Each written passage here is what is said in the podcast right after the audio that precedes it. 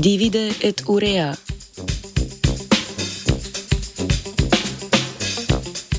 Navezava kitajskih in ameriških raziskovalcev in raziskovalk je pokazala, kako se mikroorganizmi, ki energijo pridobivajo z oksidacijo amonijaka, izognejo medsebojnemu tekmovanju za okoljske vire.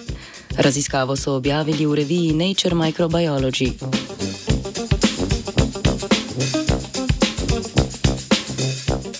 Oksidacija amonijaka v nitrit je ključen korak v globalnem kroženju dušika. Ta proces, imenovan tudi nitritacija, za pridobivanje energije izkoriščajo štiri skupine mikroorganizmov: beta in gamma proteobakterije, nekatere arheje ter tako imenovane komamox bakterije iz rodu nitrospira. Slednje so sposobne popolne oksidacije amonijaka najprej v nitrit in nato v nitrat.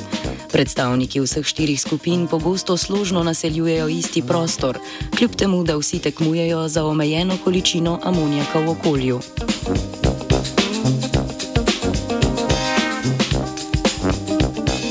Poleg amonijaka v okolju številne vrste kot alternativen vir dušika in energije uporabijo tudi sečnino oziroma urejo.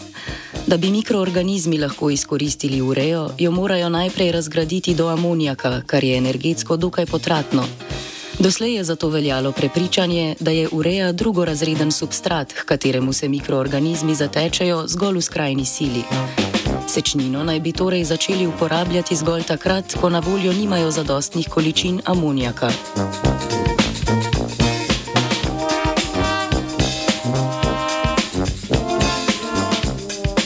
Raziskovalno skupino je zanimalo, kako in kdaj različne skupine mikroorganizmov, ki za pridobitev energije oksidirajo amonijak, privzemajo sečnino oziroma amonijak v gojišču. Gojišča so vsebovala mešanico ureje in amonijaka, pri čemer je bil eden od substratov izotopno označen. Če je organizem privzemal in porabljal amonijak, ki je bil izotopno označen, so znanstvenice in znanstveniki lahko zaznali in spremljali njegovo vsebnost tako v posameznih celicah kot gojiščih.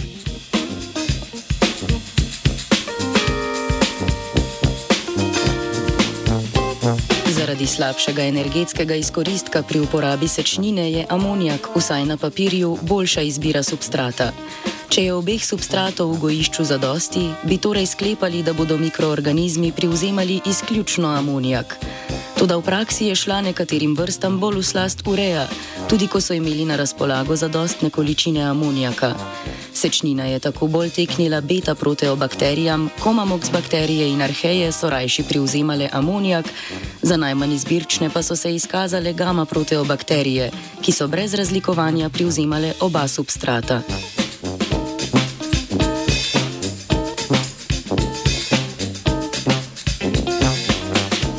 Mikroorganizmi, ki oksidirajo amonijak, so torej specializirani za privzem določenega tipa substrata, kar jim omogoča sožitje v skupnem življenjskem prostoru.